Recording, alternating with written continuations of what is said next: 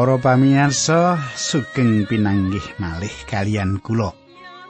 Wonten ing wanci menika kula badhe nderekaken panjenengan nggih menika wonten adicara margi utami. Kathah ingkang remen adicara menika awit panjenengan kula nderekaken nyemak kayektosan kayektosan kitab suci lan ugi nderekaken panjenengan nyemak kayektosan kayektosan menika. Nah, niki panjenengan ugi kula nderekaken tumrap panjenengan ingkang nembe kemawon Napa menika mirengaken adicara menika kula aturi pirsa babagan menika supados panjenengan katambahan kawruh-kawruh kasukman. Sugeng midhangetaken adicara menika.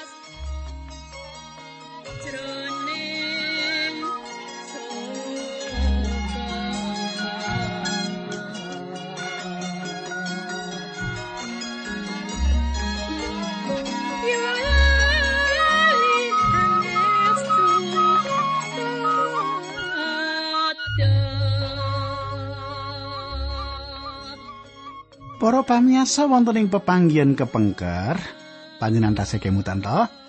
Kita sampun nyemak rancangan Haman kangge nyirnakaken Mordekai. Mboten namung Mordekai kemawon sedaya bangsa Yahudi ingkang wonten kerajaan menika badhe kasirnakaken. Nah, para pamirsa, monggo kita tumungkul kita lajengaken malih. Duh Kanjeng Rama ing swarga kawula ngaturaken kuing panuwun nek wekdal menika kawula saged pinanggih kalian sedherek kawula malih. Lan kawula nyuwun supados patunggilan kawula menika badhe langgeng selaminya lan Gusti berkahi kanthi makaten saged saestu-estu sedherek kawula menika dipun berkahi awit saking pangandikan paduka. Dinambaran asmanipun Gusti Yesus Kristus kawula netunggal haleluya. Amin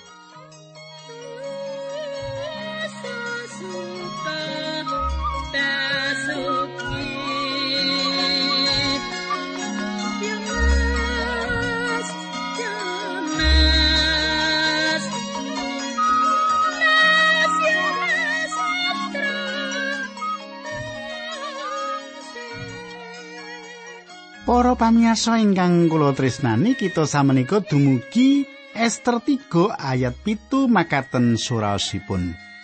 Nalika peperintahane Raja Ahasuerus nyandak taun ping rolas ing sasi siji ya kuwi sasi Nisan, Haman kongkonan gawe undi sing disebut Purim kanggo meruwi dina endi sing becik kanggo ngleksanani niate sing ala mau. Mulane banjur netepake tangga telulas sasi rolas ya kuwi sasi adar. Para pamirsa saben dinten raos sakit manahipun Haman tambah-tambah. Saben piyambakipun langkung gapura, saben tiang sami bungkuk dumateng piyambakipun, kajawi Mordekai tiang Yahudi menika ingkang boten lan patrapipun Mordekai menika ngisruhaken manahipun. Haman budidaya badhe nindakaken satunggalipun perkawis kateng kula. Emedal Haman mangertos pilih anggenipun Mordekai mboten purun manembah piyambakipun awit landesan agaminipun. Haman gadah niat mejahi sedaya umat Yahudi lan menawi menika kelampahan ngerampungaken menapa ingkang ngisrahaken manahipun. Haman nyuwun tulung dumateng tukang sihir supados mbucal purim kangge netepaken dinten menapa ing taun menika tiang Yahudi saged kasirnakaken. ingkang boten dipun emut dening Haman lan tukang sihir menika inggih menika Gusti Allah ingkang ngatur kabejanipun tiang. Gusti Allah ingkang ngatur kahananipun tiang. Undi menika dawahing bulan pungkasan saking taun menika ingkang nyukani wekdal dumateng rancangan Haman kabungkar lan dipun endhekaken. Ayat 8. Haman matur marang Sang Prabu, "Duh Sang Prabu, Wonten bangsa ana ingkang sumebaring saben provinsi negari menika adat tata caranipun beda sanget kalian bangsa-bangsa sanesipun. Sami mboten tunduk dhateng hukum-hukumipun negari pramila prayogi menawi bangsa menika mboten dipun kendelaken tumindak sesekecanipun manahipun piyambak. Ayat 9 menawi Sang Prabu keparenging galih prayogi menawi Sang Prabu ngasta serat keputusan kangge numpes bangsa menika menawi Sang Prabu kersa nampi usul kula mesti kula saged nglebetaken sloka 300 kawan dosa ewu ingkas negari. Kadang kula ingkang kula tresnani, Haman matur dumateng Sang Prabu Asaweros. Menawi wonten sawetawis tiang ing kerajaanipun ingkang patrapipun benten kalian tiang-tiang sanesipun. Bangsa Yahudi menika nindakaken perkawis ingkang boten limprah. Bangsa menika mbangun turut dumateng angger-angger Musa. Bangsa menika sejatosipun satunggalipun bangsa ingkang kedah dipun sirnakaken. Haman yakinaken sang raja menawi bangsa menika dipun sirnakaken badhe pikantuk bondo donya ingkang kathah saking tinggalanipun tiang-tiang kang dipun sirnakaken menika. Bondo donyanipun dipun rampas. Panjenengan tasih kemutan bilih sang Prabu Ahasiweros nembe kemawon gebak perang lan anggenipun perang menika mbetahaken biaya ingkang ageng. Piyambakipun butuh harta kangge mbayar utang-utangipun. Sang raja mbetahaken harta saged ugi ing pikiran aman pilih menapa ingkang dipun tindakaken badhe nyekapi kangge kekirangan menika sampun tentu sang raja sanget kadudut manahipun kegayutan kalian rancangan menika kathah-kathah tiang ingkang jeguring jakating politik remen pados dana to lan ketingalipun menapa ingkang dipun rancang Haman menika dados cara kangge mentas saking kangilan menika.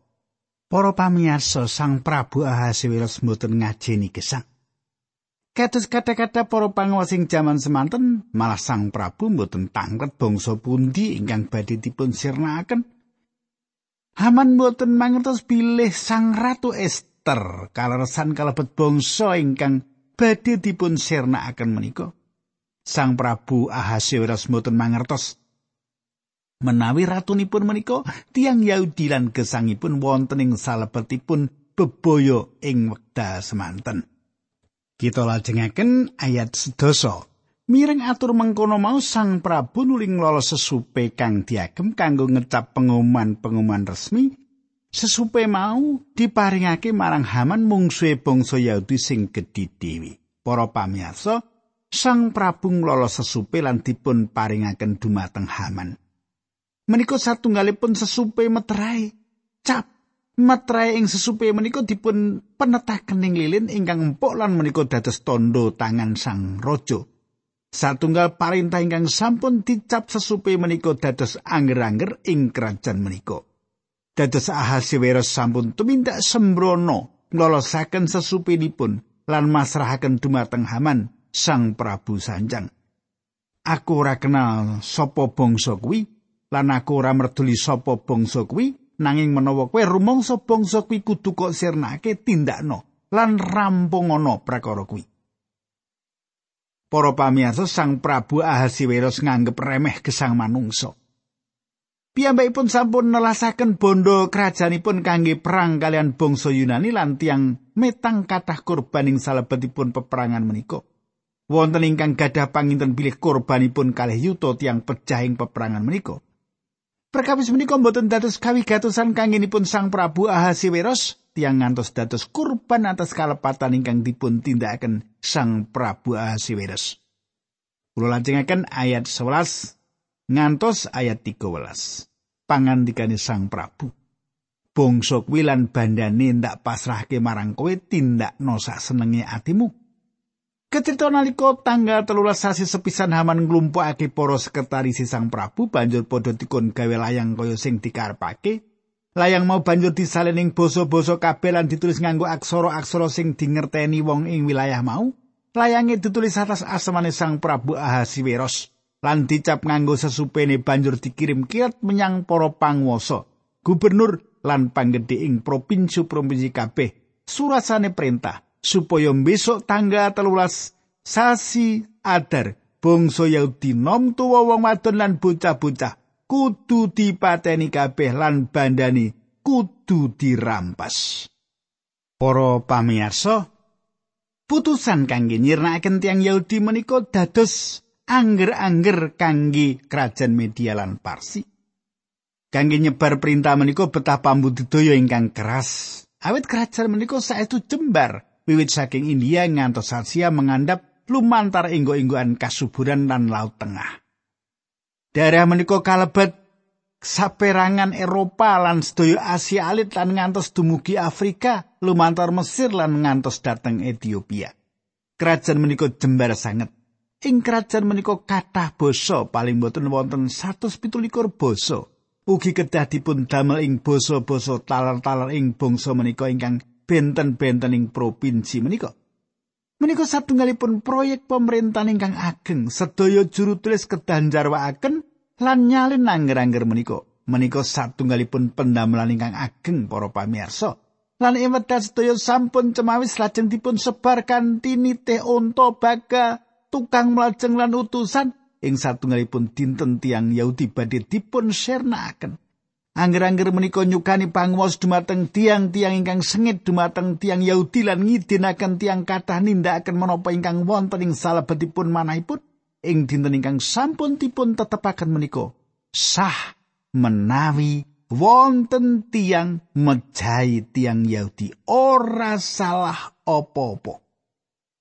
Kadang kula putusan menika dipun dalaken minangka satunggal angger-angger tiang media lan parsi. Kita mangertos wiwiting pambuka kita menika menawi angger-angger menika sampun dipun damel mboten saged dipun ewahi malih. Angger-angger menika mboten saged dipun dandosi. Satunggal angger-angger kita badhe panggihaken lan dipun dalaken kangge nglawan angger-angger menika. Nanging angger-angger menika kedah dipun serat ing salebetipun kitab-kitab Kulo lajengaken ayat kawan lan kang sawelas makaten surasipun. Perintah mau kudu diumumake ing saben provinsi supaya wong kabeh dina mau wis siaga. Para utusan inggal budal ngeterake layang-layang mau marang provinsi-provinsi kabeh atas perintah Sang Prabu layang-layang mau iya diumumake ing Susan, ibu kotane Persia. Sawise mengkono Sang Prabu lan Haman padha lenggan ngunjuk anggur nanging kutha Susan bareng krungu kabar mau gegeran. Para pamirsa kita Susan bingung. Tiang Yahudi sanes pengkhianat. Bangsa Yahudi menika mboten nindakaken kalepatan menapa-menapa. Kenging menapa wonten tiang-tiang ingkang ekstrem ingkang badhe nyirnakaken bangsa menika. Sinaosa tiang-tiang menika mboten remen dateng tiang Yahudi nganggep tiang Yahudi bangsa monco kanthi adat tata cara ingkang benten nanging panduduk kita mboten purun nyirnakaken bangsa menika. Tiang-tiang ing kita menika mboten saged mangertos kenging menapa Sang Prabu Ahasiweros ngidinaken ngedalaken putusan ingkang kados makaten menika. Ing kraton-kraton tiang-tiang ingkang nitih jaran dalunipun sami nindakaken menapa ingkang dados perintahipun Sang Prabu supados dipun tindakaken selaras kalian perintah menika. Para pamirsa tiang-tiang ingkang nyebaraken angger-angger menika wonten atusan awit panci lelaten kerajaan menika jembar sanget. Wonten ingkang dateng arah kidul, wonten ingkang arah ngaler, kilen lan ngetan. Tiang-tiang kelawon nitih jaran sedalu mumput. Eweta sampun tumugi satunggal kita alit tiang-tiang menika masang putusan menika ing kita menika supados rakyat saged maos ing enjangipun. Putusan ingkang netepaken bilih tiang Yahudi kedah dipun sirnakaken, panji kedah dipun sebaraken. Putusan bilih tiang Yahudi kedah dipun sirnakaken menika sampun sumebar ing saindenging negari. Tiang-tiang ingkang dipun utus nyebaraken putusan menika anggenipun nyambut damel keseso awit dawuh Sang Prabu. Penduduk kita susan sami bingung nanging Sang Prabu mboten merduli.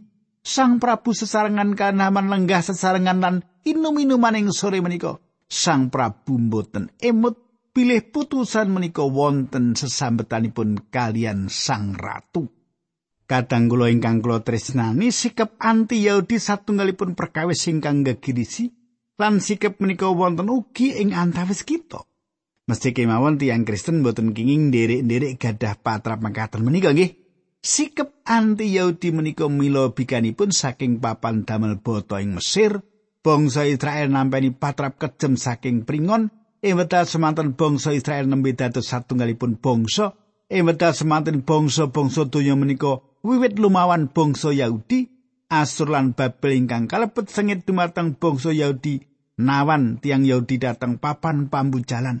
Ing kitab Esther kita ningali bangsa Yahudi gesang wonten ing Parsi negari Rom ugi lepat lan pengawasan ing Spanyol dipun tujuaken dumateng tiang Yahudi salajengipun jaman Hitler ing Jerman kinten-kinten 6 yuta tiang Yahudi kapejahan.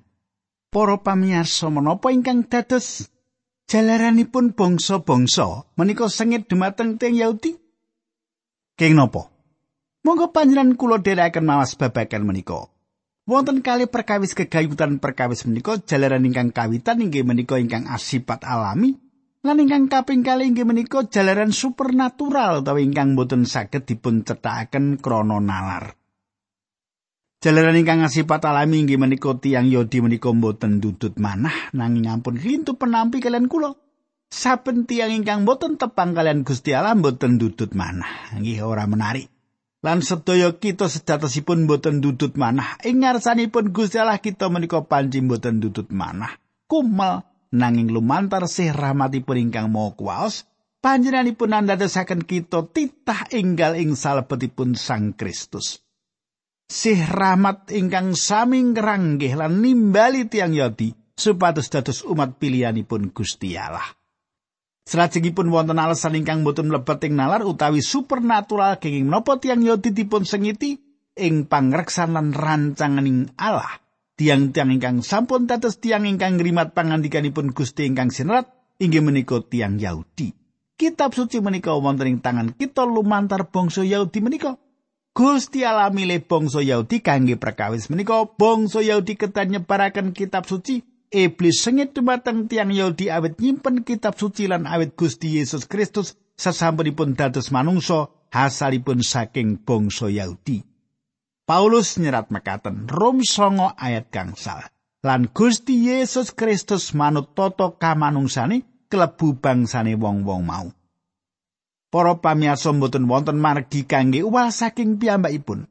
Lan awit saking menika wonten raos sengit ingkang boten saged kenalar dumateng tiang-tiang Yahudi. Saestu cetha menapa ingkang dipun ngendikaken kitab suci. Kita mangertos bilih Gusti Allah sampun milih bangsa Yahudi minangka umat kagunganipun lan minangka bangsa pilihanipun. Bangsa Yahudi dipun sengiti iblis lan akibatipun bangsa-bangsa ing jagat menika dipun panasi kanthi makaten saged nesu kalian bangsa menika. Kadang kula angger-angger ingkang dipun damel Sang Prabu Ahasiweros mboten saged dipun batalaken. Kita sampun nyemak angger-angger ingkang tundhonipun nyingkiraken Sang Ratu Wastita, angger-angger menika mboten saged karibah. Malah raja piyambak mboten saged ngentos angger-angger menika. Angger-angger ingkang ngemot bab angenipun nyirnakaken bangsa Yahudi sampun dipun tapak astani Sang Prabu. menika dados angger-angger negeri media lan parsi mboten wonten cara kangge saged ngribah angger-angger menika kados pundi Gusti Allah badhe milu jengaken umat kagunganipun satunggal putusan sanes kedah dipun damel wonten tiang ingkang kedah cawe-cawe ing kahanan kados makaten Gusti Allah sampun nyawisaken kangge keperluan ingkang mligi menika Ewedal kita sinau kitab suci alit menika. Kita badhe ningali kekayutan pangreksanipun Gusti Allah. kita ningali satunggalipun lampahan ing kraton kafir sawektu mados mendem-mendeman. Ewon tiang ingkang wonten ing bujana wanci dalu menika. Masalah keluarga dipun ketinggalaken sang ratu nampik mbangun turut dawuhipun sang raja. Tunanipun napa? Tunanipun sang ratu menika dipun singkiraken. Menapa kekayutanipun kalian pambudidayanipun Gusti Allah milu jengaken umat kagunganipun? Wonten sesambetanipun Gusti Allah sawak makarya lan terus badhe makarya kanthi cara ingkang ngidapi-dapi. Gusti Allah sampun manggihaken tiang ingkang samenika wonten ing sanding damparing keprabon. Priyantun menika badhe dados sarana kangge milu jengaken umat Yahudi. Gusti Allah makarya ing salebetipun lampahan-lampahan ingkang dipun lampahi manungsa lumantar panjangkungipun. Panjangkungipun Gusti Allah dipun gambaraken ing salebetipun cariyos miyosipun Gusti Yesus. Kaisar Agustus netepaken satunggal katetepan pajak ingkang sampun dipun sebaraken ing saindengipun jagat. Sedaya tiyang kedah bayar pajak. Ewedal piyambakipun napa astani katetepan menika Kaisar Agustus mboten ngrumaosi. Bilih sayektosipun piyambakipun sawek ngganepi satunggal pameco. Piyambakipun mboten mangertos inggih awit katetepan bab pajak menika wonten kenya saking Nasaret kisah dateng Bethlehem ing mriki nglairaken lare pambayunipun. kula gagas. Kaisar Agustus badhe gumujeng lan sanjang aku ora ngerti apa-apa bab bayi-bayi. Nanging kang ndak ngerteni yaiku bab pajek. Mika gangsal ayat kali mecahaken kelahiran Sang Kristus ing Bethlehem. Para pamirsa, Kaisar napa astani satunggalipun katetepan ingkang dados jalaran Maryam kedah wonten ing Bethlehem ing wekdal ingkang pas lan nglairaken Gusti Yesus Kristus. Gusti Allah wonten ing salebetipun kraton Kaisar. Gusti Allah ugi wonten ing kedaton Ahasiweros. Gusti Allah jumeneng ing ayang-ayang kalian mirsani kagunganipun. Samenika pasinan kita lumebet ing kitab Ester sekawan, ora krasa mlebu Ester bab sekawan, katetepan menika gegirisi ngantos dateng pojok-pojokipun negaring kerajaan menika samenika panjenengan semak tanggapanipun Mordekai. Bab sekawan ayat tunggal lan kali. Nalika krungu lelakon mau Mordekai banjur nyuwek sandangani lan nganggo sandangan bagor kanggo nelakake yen atine sedih banget. Sirai diwuwuri awu banjur mlaku sedalan-dalan karo nangis ngeru-ngeru. tekan ngarep gapurane kedaton Mordekai mandek marga wong sing nganggo sandangan bakor ora kena mlebu. Para pamirsa medal Mordekai mireng katetepan menika ingkang isinipun dawuh nyirnakaken umat Yahudi. Mordekai ngangge sandangan bakor minangka tondo sedih manahipun siraipun dipun wuwuri awu. Satunggalipun lampahan ingkang mrihatosaken sanget piyambakipun ngandel gegayutan putusan menika piyambakipun mangertos bilih keputusan menika boten saged dipun ribah kula kinten negari menika tiyang Yahudi wonten 15 yuta. Badhe dumados raja pati ingkang gegerisi, namung awit wonten pengageng ingkang gadah pikiran ingkang cetek. Satunggal tiyang boten purun ngurmati sedaya bangsa dipun sirnakaken. Inggih menika wahtipun Haman, sampun tentu sedaya menika pakaryanipun iblis. Para pamirsa ingkang kula tresnani. menawi wonten tiang ingkang gadah watek wantu kados Haman kala wau ora diajeni wong siji wong sak bangsa kabeh dihukum menika satunggalipun watek culika ingkang dados korban tiang kathah ora mikirake nasibe wong akeh ning mung awake dhewe watek ingkang kados mekaten menika aja ditiru Para pamirsa kita mangertos Gusti Allah makarya wonten ing mriki. Kados pundi Allah makarya? Kados pundi panjang pun Allah dhumateng umat ingkang dipun pilih? Awit saking menika panjenengan ora sah bingung menawi nampi kahanan ingkang ngidapi-dapi. Nah, para pamirsa monggo kita ndedonga. Duh kanyang Rama ing swarga kawula ngaturaken gunging panuwun menawi wekdal menika kawula saged tetunggilan kalian sedherek kawula lan kawula pasrahaken sedherek kawula menika wonten ing asta paduka supados tabah ngadepi sedaya pancobaning gesang. Dinambaran asmanipun Gusti Yesus kawula tunggu. Haleluya. Amin.